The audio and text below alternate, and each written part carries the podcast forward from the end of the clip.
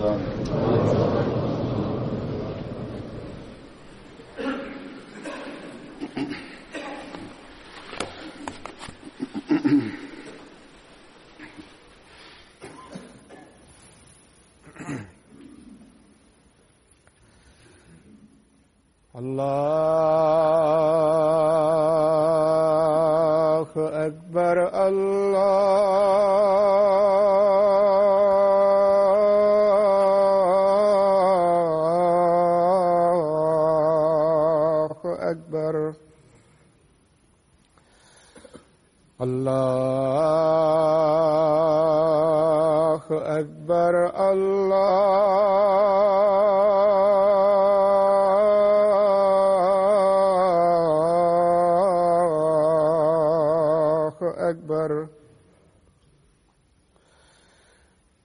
أشهد أن لا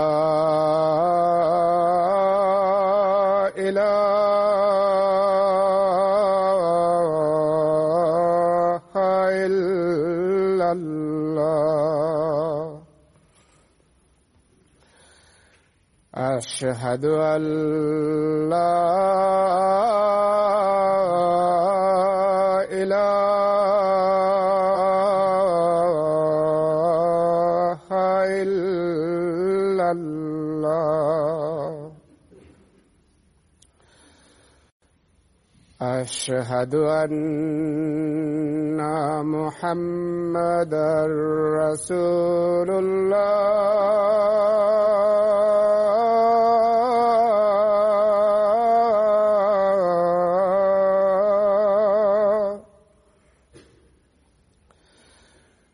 أشهد أن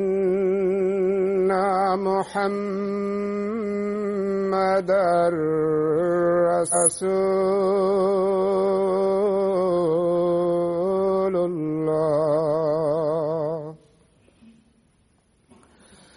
أي على السلام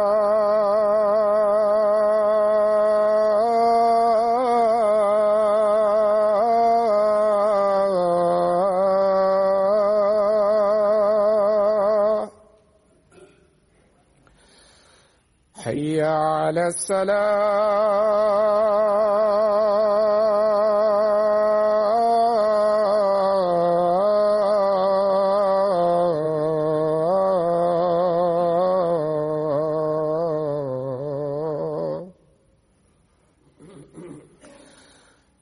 هيا على الفلاح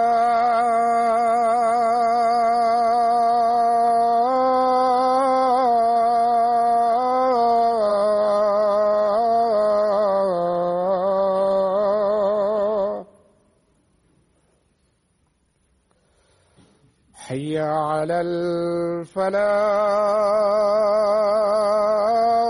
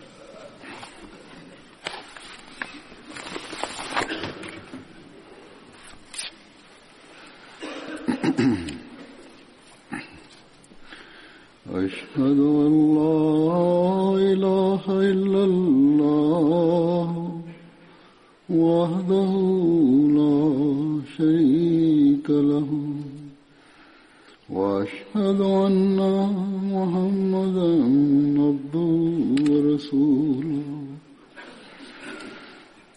أما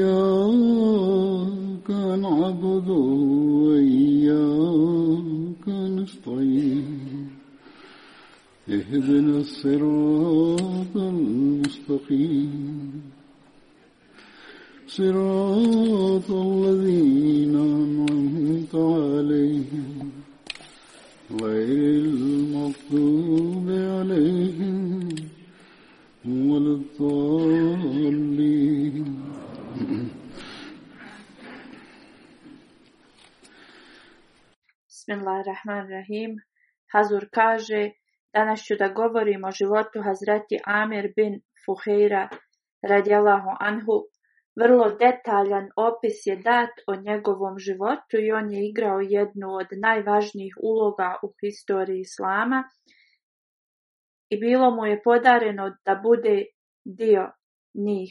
Ovi događaji su takvi da je vrlo važno da se spomenu detalji o njima, Njegova titula je bila Ebu Amr i pripadao je plemenu Azad. Bio je afrički rob od Tufail bin Abdullah bin Sahbara, koji je bio polubrat od Hazreti Ajše radijalahu anhu. Oni su imali istu majku, a različite očeve. On je bio među prvima koji su prihvatili islam i primio je islam prije nego što je poslanik sallallahu alejhi ve sellem otišao u Dari Arkam, hranio je koze Ebu Bekra radijalahu anhu i prošao je kroz mnoge poteškoće od nevjernika poslije prihvatanja islama.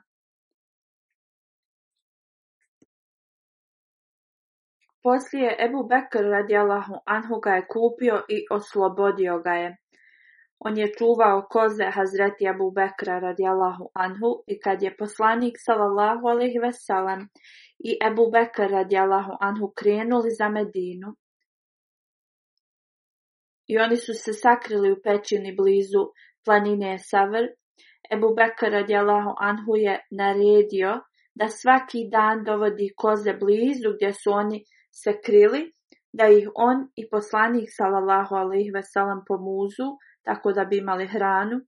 Kad je Abdullah bin Ebu radi radijallahu anhu odlazio da posjeti oba dvojicu, Hazreti Amir bin Fuheira radijalahu anhu bi išao iza njega i, i brisao bi njegove tragove, tako da ih neprijatelji nisu mogli naći. Kad su Hazreti Ebu Bekr i poslanik sallallahu alaihi veselem izlašli iz pećine na planini Savr i krenuli prema Medini, Hazreti Amir bin Fuhira je također krenuo sa njima. Hazreti Ebu Bekr radijalahu anhu ga je posjeo iza sebe na kamili. U to vrijeme nevjernik iz plemena Benu Adi je išao za njima.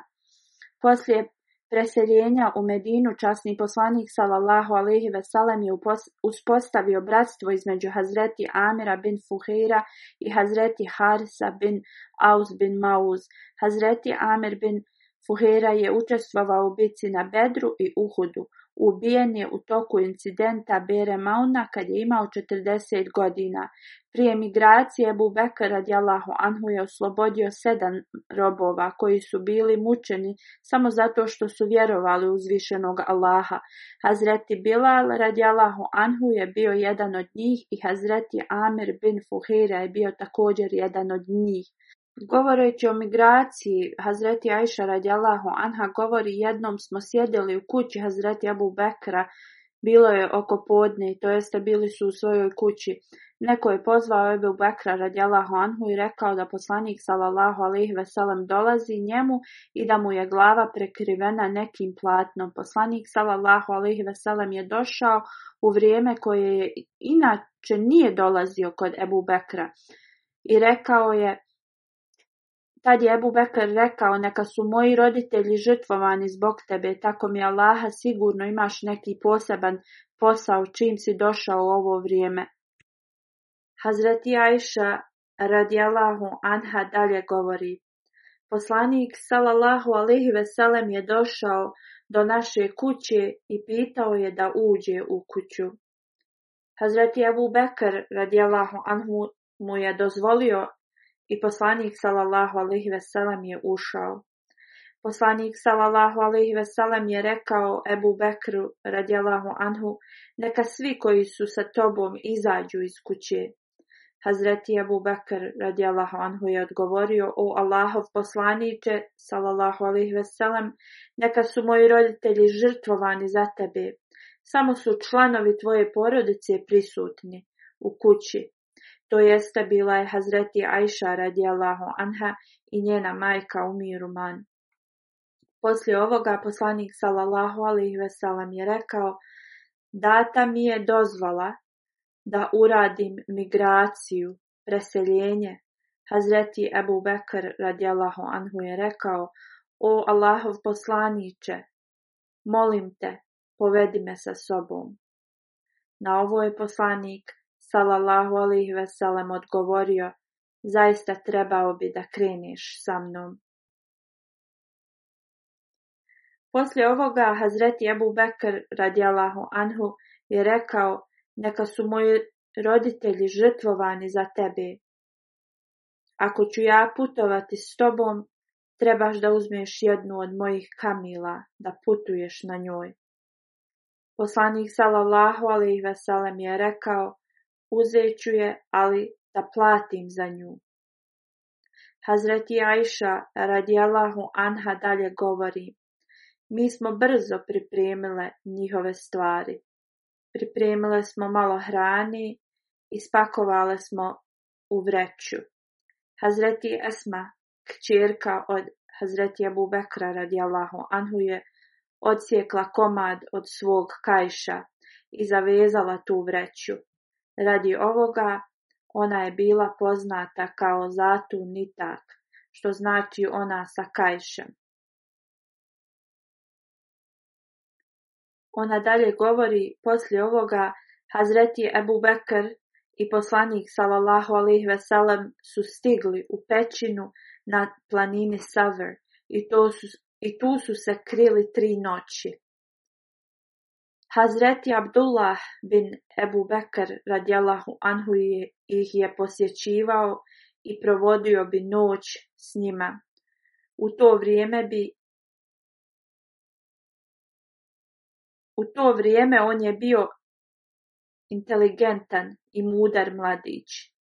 To jeste bio je već zrela osoba, vraćao bi se od njih u, ran, u ranom jutru dok se još nije rasvanulo, i provodio bi vrijeme sa Kurešijama po cijeli dan izutra, kao da je on bio s njima svu noć, s Kurešijama. I onda koje bi god spletke čuo koje su Kurešije planirali, shvatio bi ih i dolazio bi po noći da javi u vezi njih.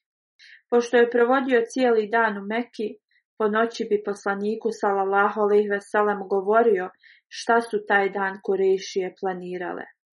Hazreti Amir bin Fuheira rob od Ebu Bekra radijallahu anhu bi čuvao koze blizu pećine i na večer poslije jacije bi odvodio kozu koja imala puno vime mlijeka, tako da bi poslanik salalaho alejhi veselem i Hazreti Ebu Bekr radijallahu anhu pomuzli i pili njeno mlijeko. On je ovo radio tri večeri. Hazreti Ebu Bekr i poslanik sallallahu alaihi veselam su uposlili neku osobu da im pokaže put do Medine.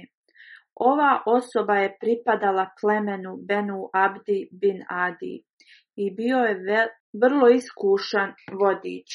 On je bio idolopoklonik, ali dvojica Ebu Bekr radijalahu anhu i poslanik salallahu alaihi veselam su vjerovali ovoj osobi, iako je bio nevjernik kojeg su odgojili korejšije. Ali mu je poslanik salallahu alaihi veselam vjerovao i dao mu je njegove kamile za put i uzeo je obećanje od njega da će doći po njih na planinu Savr tri dana poslije i da će to biti izutra. Tako da su Amir bin Fuheira, poslanik sallallahu alaihi wasallam i Ebu Bekr radijallahu anhu pratili ovog vodiča. Vodič ih je vodio pored obale.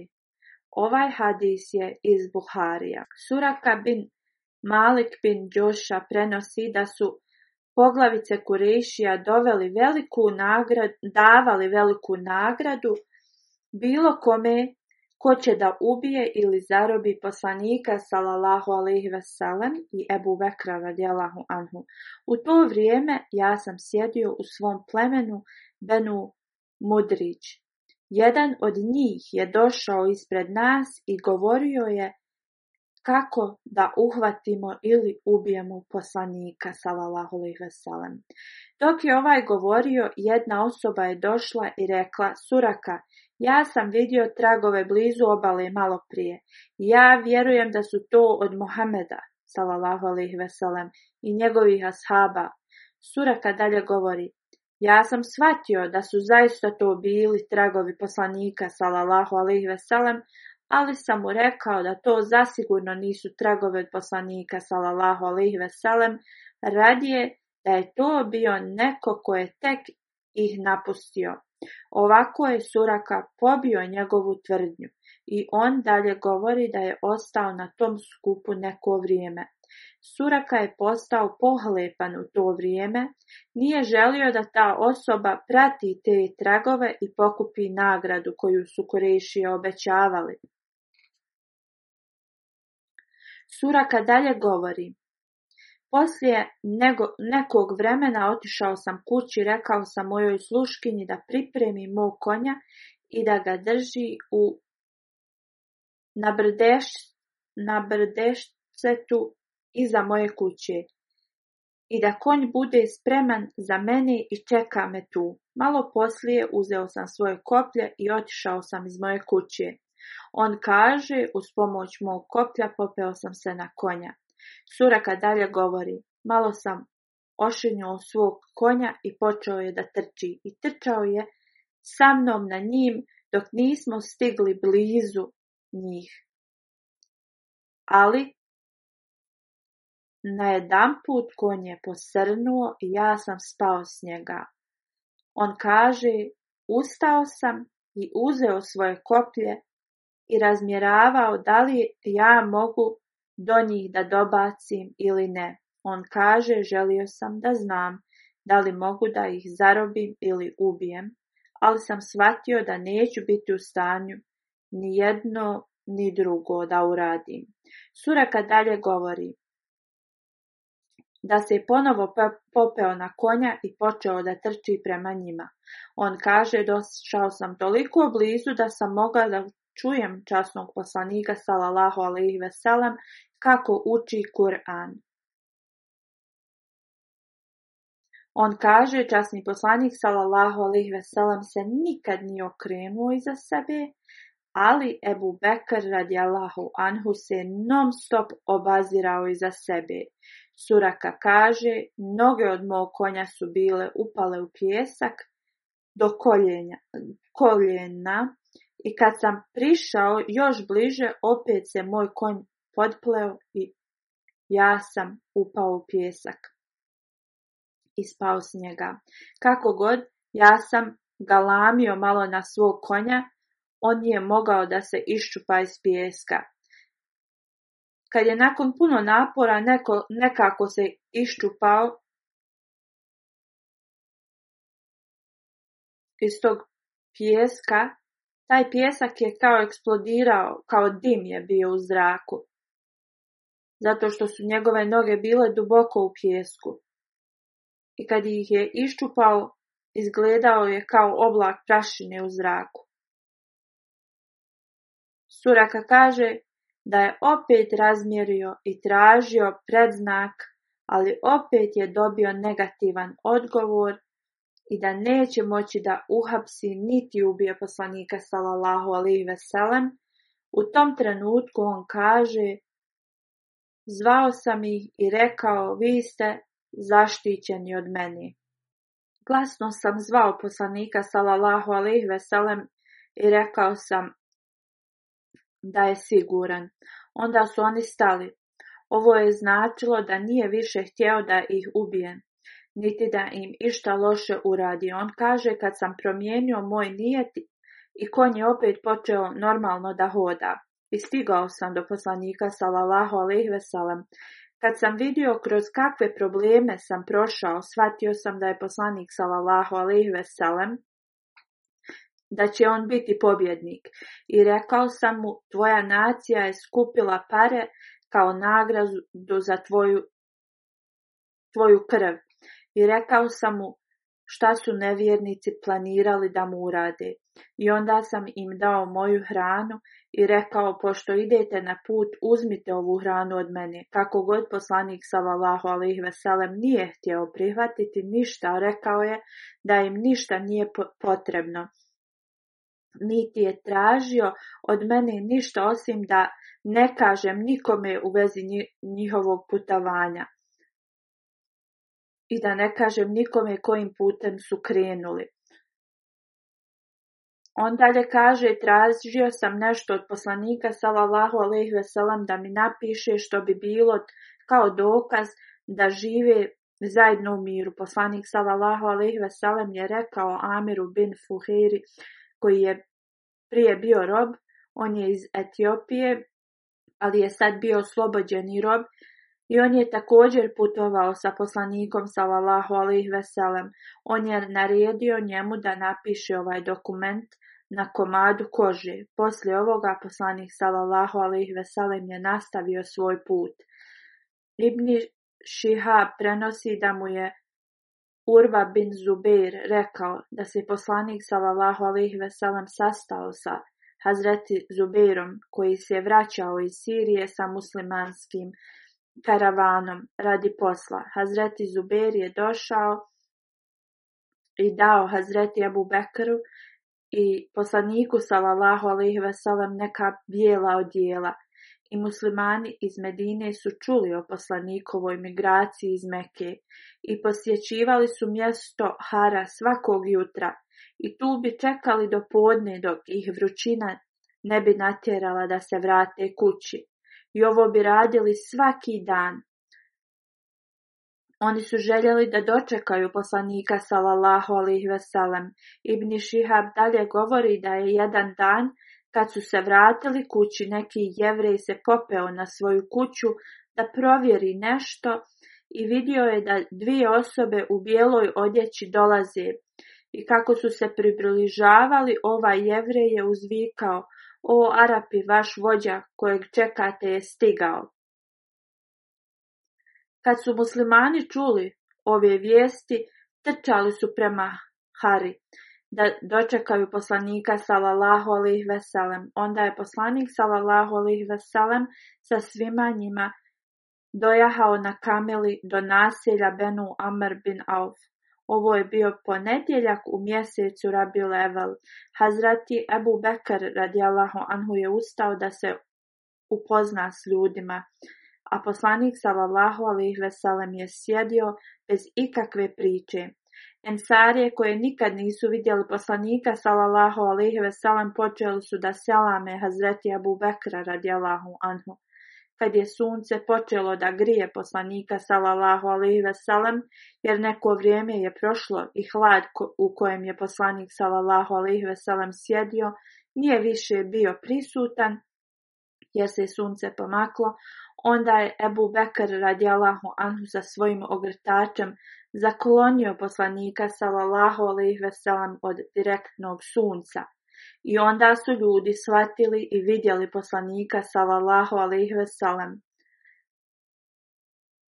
Poslanik sallallahu alejhi ve je ostao u Benu Amr bin Auf naselju malo više od deset noći i džamija od koje je temelj bio baziran na bogobojaznosti je napravljena. I časni poslanik sallallahu alejhi ve je klanjao svoje namaze u njoj. Poslije poslanik sallallahu se popeo na svoju kamilu i ljudi su krenuli za njim i ušao je u Medinu. Njegova kamila je zastala gdje je današnji mešđid Nabi poslanikova džamija. U to vrijeme nekoliko muslimana je klanjalo u ovoj lokaciji. Tu je bilo mjesto gdje su Suheil i Sahal sušili njihove hurme. Ovo je bilo polje gdje bi ova dva dječaka sušili hurme. Hazreti Sad bin Urara je bio njegov staratelj, kako, bio njihov staratelj kako god kad je Kamila poslanika sallallahu ve sellem sjela tu, poslanik sallallahu ve sellem je rekao, ako Bog da, ovo će biti mjesto mog boravka. Onda je poslanik sallallahu ve sellem pozvao ovu dvojicu momaka i pitao ih pošto je to zemljište da, da bi ga kupio, da želi da izgradi džamiju. Oni su odgovorili, o Allahu poslaniće, mi ti dajemo ovo zemljište džabe. Kako god poslanik salallahu alaihi veselam je odbio da uzme džabe i kupio je ovo zemljište i džamija je napravljena zajedno sa Ashabima časni poslanik veselem je nosio cigle za džamiju. I dok je ovo radio, poslanik veselem bi učio Hazal himalu la himala Heiber haza abaru rabena vetar, što znači ovaj teret nije kao teret sa Hajber. O naš gospodaru, ovo je vrlo sjajan teret i čist. Poslanik sallallahu alejhi ve sellem je također učio Allahume inal ajra ajrul ahirah farahamil ansara vel muhajira. što znači o Allahu prava nagrada je na ahiretu, zato budi milostiv prema enstarijama i muhadžirima i ovaj hadis je također zabilježen u Buhariju. Hazreti Muslim Maud radijalahu anhu je također objasnio u vezi migracije poslanika salallahu alih veselem, napisao je u, o ovome u svom na svoj stil. Ja ću da pročitam nekoliko detalja u vezi njegovog pisanja. Hazur kaže, Hazreti Muslim Maud piše, nijedan musliman nije ostao u Meki osim nekoliko robova koji su postali muslimani ali nisu mogli otići iz Meke, poslanik sallallahu alejhi ve Ebu Bekr radijallahu anhu i Ali radijallahu anhu su planirali da pobjegnu iz Mekke.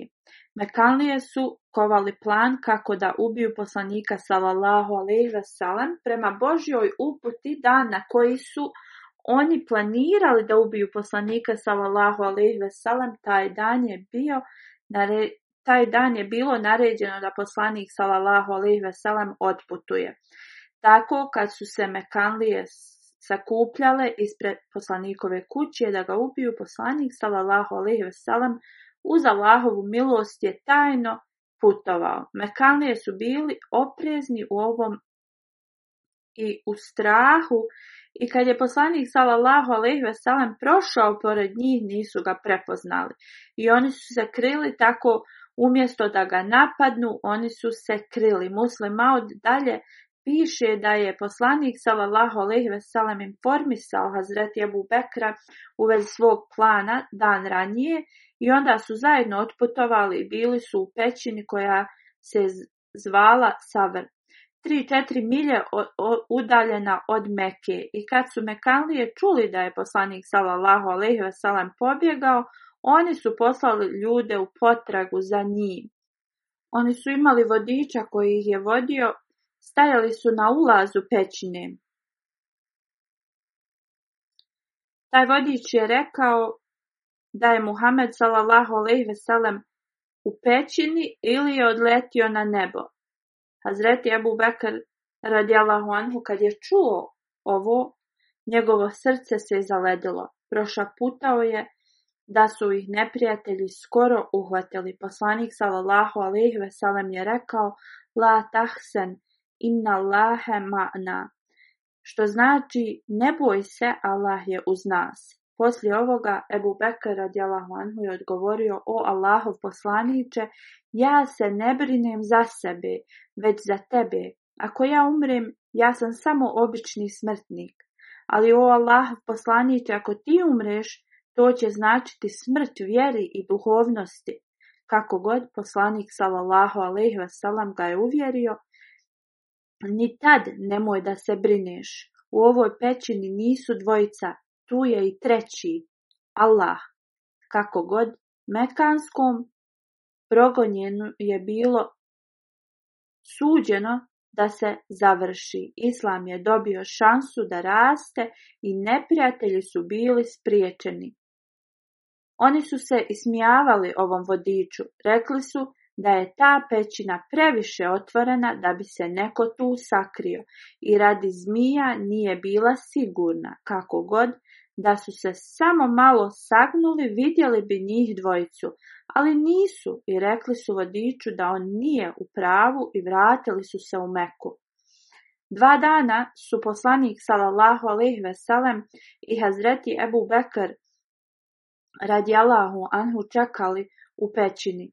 Dvije kamile su dovedene, onda je jedna bila za poslanika sallallahu alejhi ve i vodiča, a druga je bila za Ebu Bekra radijalahu anhu i njegovog slugu Amr, Amir bin Fuheira. Ali prije nego što je krenuo, poslanik sallallahu alejhi ve se okrenuo i pogledao je u Meku. Meka je bila mjesto njegovih roditelja i tu je odrastao i dobio je svoju poruku u njoj, mjesto gdje su njegovi preci živjeli od vremena Ismaila salama. Puno emocija je, oba obasulo njega. I s tim emocijama poslanik sallallahu alaihi veselam je rekao o Meko, ti si mi draža od bilo kojeg mjesta na ovom svijetu ali mi tvoji ljudi ne dozvoljavaju da živim u tebi. Poslije ovoga Ebu Bekr Allahu anhu je rekao, mjesto koje je odbacilo svog poslanika sad samo čeka vrijeme svog uništenja. Mekalije su poslije neuspjeha stavili nagradu ko uhapsi ili ubije njih dvojicu, dobit će nagradu od stotinu kamila, Radi ove nagrade Suraka, poglavica beduinskog plemena, je pošao za njima da ih uhvati i stigao ih je na putu prema Medini. Vidjeo je dvije natovarene kamile i bio je siguran da su to Ebu Bekara djelahu anhu i poslanik salallahu alaihi veselam. Onda je njegov konj pao i izbacio je Suraku sa sebe. Suraka je poslije primio islam i opisao je ovaj incident svojim riječima. Hazreti Maud je ispričao isti incident koji je spomenut ranije, kako god Muslimaud Allahu anhu dalje piše, časni poslanik sallallahu alaihi je rekao Amir bin Fuheira da napiše ugovor surati i on je ga napisao. I kad je Suraka se spremao da se vrati nazad u Meku, poslanik sallallahu alaihi je dobio objavu u vezi budućnosti, u vezi Surake. Uzvišen je Allah Đelešanhu je objavio poslaniku sallallahu alejhi ve o budućnosti i poslanik sallallahu alejhi ve je rekao Suraki: O Suraka, kako ćeš se osjećati kad budeš nosio zlatne narukvice od Kosrosa? Zaprepašten u vezi ovog predskazanja, Suraka je pitao, kojeg Kosrosa? Kosrosa, cara Irana? Časni poslanik sallallahu alejhi ve je odgovorio da, i tako 16 ili 17 godina poslije ovoga, bukvalno ova objava je bila ispunjena. Suraka je primio islam i otišao u Medinu. Poslanik Salallahu alaihi veselam je preminuo i onda Ebu Bekr radijalahu anhu je bio halifa, pa onda Omer radijalahu anhu je bio halifa. Veliki napredak islama je učinio Iračane ljude iz Irana, Irančane, ljubomornim i oni su napali muslimane. Umjesto da naškode muslimanima, oni su to sebi uradili.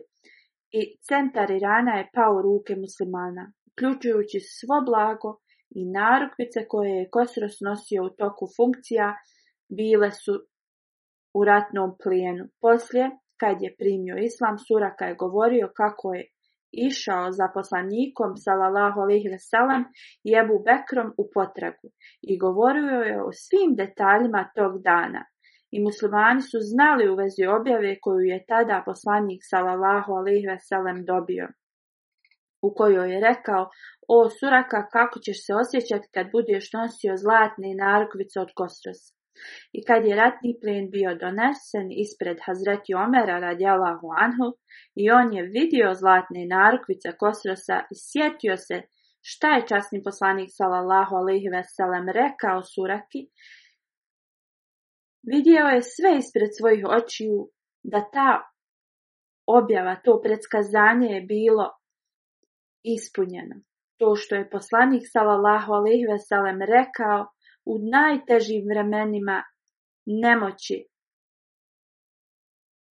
Ovo je bilo sad ispunjeno. Sureka i drugi su išli u potjeru za njim, da ga dovedu živog ili mrtvog. I nagrada je bila stotinu kamila. Tad je poslanik salalahu alaihi veselam Suraku, o Suraka, kako ćeš se osjećati kad budeš nosio zlatne narukvice od kosrosa? Kad je Hazreti Omer radijallahu anhu vidio zlatne narukvice, Vidio je zračak moći uzvišenog Allaha, tako je Hazreti Omer radijallahu anhu poslao po Suraku i rekao mu da stavi ove zlatne narukvice.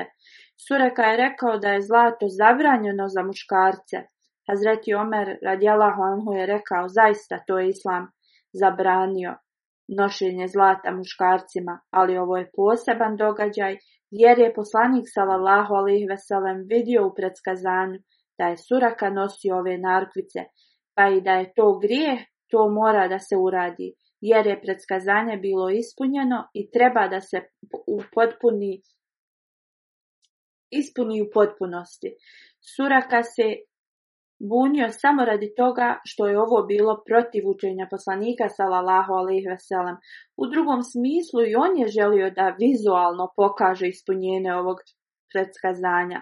Suraka je stavio narkvice i muslimani su vidjeli ovo predskazanje u potpunosti ispunjeno. Zapisano je u nekim knjigama da poslanik sallallahu alejhi veselem. Nije rekao Suraki u vezi narkvica u toku migracije, radije da je to rekao na mjestu Džirana kad se je poslanik Salalaho alejhi vraćao iz Hunin i Tajfa, ali više se spominje u verzijama kako smo ranije spomenuli i koje je muslima od radijallahu anhu također spomenuo. Kad je Hazreti Amir bin Fuhira se preselio u Medinu. Razbolio se čim je stigao. Časni poslanik sallallahu alejhi veselam se molio za njega i on je u potpunosti ozdravio. Hazreti Ajša radijallahu anha prenosi da kad je poslanik sallallahu alejhi veselam Stigao Medinu iz Meke, neki od njegovih ashaba su se razbolili. Hazreti Abu Bekr radijalahu anhu, Hazreti Amir bin Fuhira radijalahu anhu i Hazreti Bilal radijalahu anhu su se razbolili. Časni poslanik sallallahu alejhi ve sellem je dao dozvolu Hazreti Ajši da ide i posjeti i da pita u vezi njihovog zdravlja. Hazreti Ajša je posjetila Hazreti Ebu Bekra radijalahu anhu i pitala ga je u vezi njegovog zdravlja. Hazreti Ebu Bekr je iz, izrecitovao sljedeće stihove. Kad god se čovjek probudi u svom domu, uistinu je dobro jutro, iako smrt je bliža njemu od pertle na cipeli. Što znači da je on svjestan da će jednog dana da umre. Hazreti Aisha radijallahu anha je onda pitala kako je zdravlje Amira bin Fuhira radijallahu anha. On je odgovorio recitujući sljedeći stih Ja sam okusio smrt čak i prije nego što je došla po mene. Sigurno smrt kukavici dolazi neočekivano. Što znači, hrabar čovjek je uvijek spreman da umre, a kukavica nikad nije spreman za svoju smrt. Onda je Hazreti Aisha radijallahu anha upitala u vezi zdravlja Hazreti Bilala radijallahu anhu. On je odgovorio na sljedeći način. Kako bi želio da znam da li ću provesti noć u dolini Mekije okruženom travom. Onda se Hazreti Aisha vratila kod poslanika sallallahu alaihi i rekla mu je šta je Ebu Bekara radijallahu anhu odgovorio u vezi njih trojice. Hazreti Abu Bekra, Hazreti Amra bin Fuheira i Hazreti Bilala radi Allahu Kad je čuo ovo, poslanik sallallahu alaihi veselam je pogledao nebo i molio se. O Allahu, učini Medinu dragom nama, kao što si učinio Meku dragom nama. I još dražom je učini. O Allahu, podari nam zdravlja i blagoslovi, blagoslovi nas i odnesi temperaturu daleko od nas iz ovog mjesta. Hazreti Amir bin Fuheira je ubijen u toku incidenta kod Bere Mauna i kad su ashabi bili ubijani na Bere Mauna i Hazreti Amir bin Umeja bin Zamri je bio zarobljen, Amir bin Tufel je pokazao nam umrlog i pitao ko je ovaj čovjek. On je odgovorio da je to bio Amir bin Fuheira. Amir bin Umeja kaže: Vidio sam ga da je uzdignut u dženet kad je postao šehid, da je nebo bilo između njega i zemlje i, i mnogo i mogu to da vidim čak i sad. Onda se spustio na zemlju. Onda je časni poslanik sallallahu ve dobio vijest u vezi ovoga i rekao je svojim ashabima Vaš ashab je postao šehid i on se je molio Allahu, o naš gospodaru, informiši našu braću šta nam se je desilo i da smo mi zadovoljni sa tobom i da si ti zadovoljan sa nama. Tako uzvišen je Allah Đalešanuhu je informisao njih i pokazao je ovo i, i nemuslimanima. Ovaj hadis je zabilježen u Buhariju. Postoje različiti pogledi kako je poslanik sallallahu alejhi ve sellem primio vijesti o smrti Hazreti Amira bin Fuhira. Kako god prema jednom hadisu Amir bin Tufel koji, koji je ovo prenio je bio osoba koja ga je ubila i on je bio taj koji je pitao ko je ova osoba. On je bio jedan od neprijatelja koji su ga ubili, ali prema drugom hadisu bio je Abdul Jabbar bin Selmi koji ga je ubio. U svakom slučaju pitao je šehid u incident, u svakom slučaju on je postao šehid u na incidentu Bere I dok je opisivao incident u vezi njegove smrti, Hazreti Muslim Audra radijalahu anhu piše, Islam nije uznapredovao preko mača, već preko visokog moralnog učenja koji je probilo kroz srca i učinilo promjenu u ljudskim srcima, čak i kod nevjernika. Jedan ashab je rekao da razlog što, zašto je on postao musliman jeste, on je bio jedan od onih koji su ubili 70 ashaba koji su zvani Karis, zato što su podučavali Kur'an. Neki od njih su stajali da se bore, neki su počeli da bježe kad se to desilo, neprijatelji su bili mnogobrojni i pobijedili su muslimane ubijajući ih jednog po jednog. Na kraju je samo jedan ostao. I on je bio asha poslanika salallahu alaihi veselem koji je bio uz njega u toku migracije. I on je bio oslobođeni rob Hazreti Abu Bekra radijalahu anhu koji se zvao Amir bin Fuheira. Mnogo ga je U to vrijeme mnogi neprijatelji su ga napali da bi ga ubili. Jedan ga je probao sa kopljem kroz prsa. On je tad izgovorio Fustul vera kaba, što znači kunem se gospodarom kabe, ja sam postao uspješan. Kad je Amer bin Tufail čuo ove riječi, on je jedan od neprijatelja koji se poslije pridružio islamu.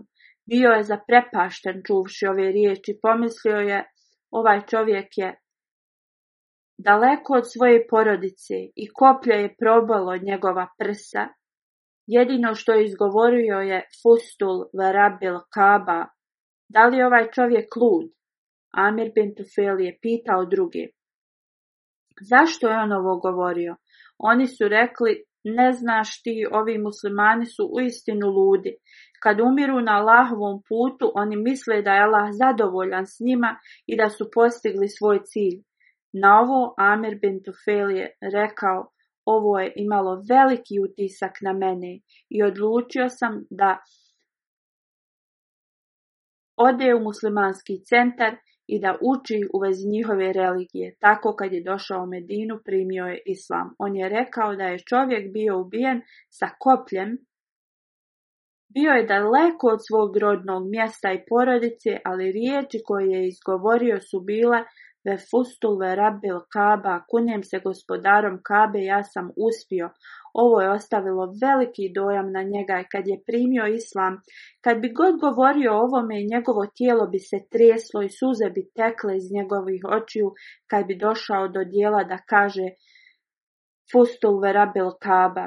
Hazreti Muslimaud radjala Huanhu kaže ovako je, ovo, ovako je islam širen svojom ljepotom, a ne silom. Također je rečeno da u vrijeme Hazreti Amir bin Fuheira smrt, njegove smrti da je rekao fustul verabel kaba, a u drugom hadisu da je rekao fustul vallahi. Hazreti Muslim Maud radijalahu anhu kaže da ove riječi su rečene od mnogih ashaba, ne samo od njega. I dok je spominjao ovo Hazreti Muslim Maud govori iz historije vidimo da su ashabi išli u borbu sa uvjerenjem da postati šehid to je bilo uistinu sreća i radost za njih. Ako bi ikad doživjeli neprijatnost, to su smatrali dobrim za sebe, nalazimo mnoge incidente gdje možemo da vidimo kako su bili oni tlačeni na Allahovom putu, ali im je to donosilo smiraj, kao što možemo da vidimo ovaj incident koji smo spomenuli. Da kad je poslanik s.a.v. poslao ove ashabe da šire vjeru, Vođa ove delegacije Haram bin Milhan je otišao kod Amira bin Tufejla, koji je bio poglavica plemena, da mu prenese poruku islama. Amir bin Tufejl, i njegovi drugovi su ga prvo licemjerno dočekali velikodušno i kad je on sjeo među njih i osjećao se ugodno i počeo da im govori o vjeri, o, oni sa jednim znakom, sa jednim nam, jednim pogledom licemjerskim dali su znak osobi iza njega koji ga je probao, probao kopljem i on je tu postao šehid. Dok je padao, rekao je Allahu ekber, fustu verabil kaba. Allah je najveći, Bog mi je svjedok, postigao sam svoj cilj. Poslije ovih ljudi su opkolili ostale muslimane i ubili jednog po jednog. Rečeno je ranije da osobu koja je ubila Amira bin Fuhira koji je bio oslobođeni rob Hazreti Ebu Bekra radijallahu anhu i koji je bio uz poslanika sallallahu alejhi ve u toku migracije, on je postao musliman poslije. Razlog zašto je postao musliman je zbog toga kad kad ga je ubio, on je rekao Fustolahi, to jeste, tako mi Boga, ja sam postigao svoj cilj. Ovo nam pokazuje da je smrt bila rado za ove ashabe, a ne bilo kakva tuga. Tako ovi ashabi su bili blagoslovljeni. Amir bin Fuhera koji je također imao priliku da služi Hazreti Abu Bekra Allahu anhu i časnog poslanika sallallahu alaihi veselem i bio je uz njega u toku migracije. On je također nosio hranu poslaniku sallallahu alaihi veselem dok je bio u pećini Savr i ta Hrana je bila mlijeko od koze i Amer bin Fuhira je dobio taj zadatak. Tri dana bi vodio koze tu i hranio ih. Imao je čast da napiše pismo za Suraku, također radi njegovih dova Allahu poslanik sallallahu alejhi ve je dobio vijesti od da je on postao šehid, iako je bio daleko od poslanika sallallahu alejhi ve sellem. Uistinu on je bio oklop dobrote i poslušnosti da mu uzvišeni Allah nastavi da uzdiže njegov status. Amin.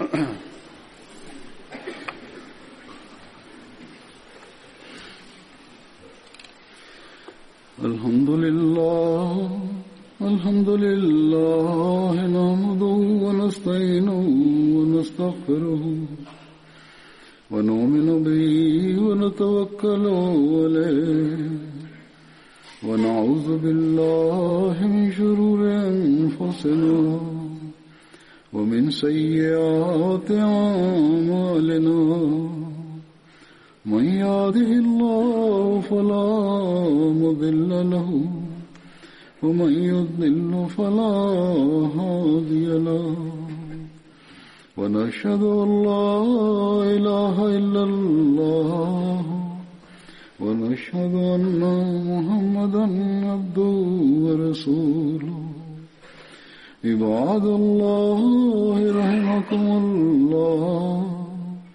إن الله يأمر بالعدل والإحسان وإيتاء ذي القربى وينهى عن الفحشاء والمنكر والبغي يعظكم لعلكم تذكرون اذكروا الله يذكركم ودوه يستجب لكم ولذكر الله أكبر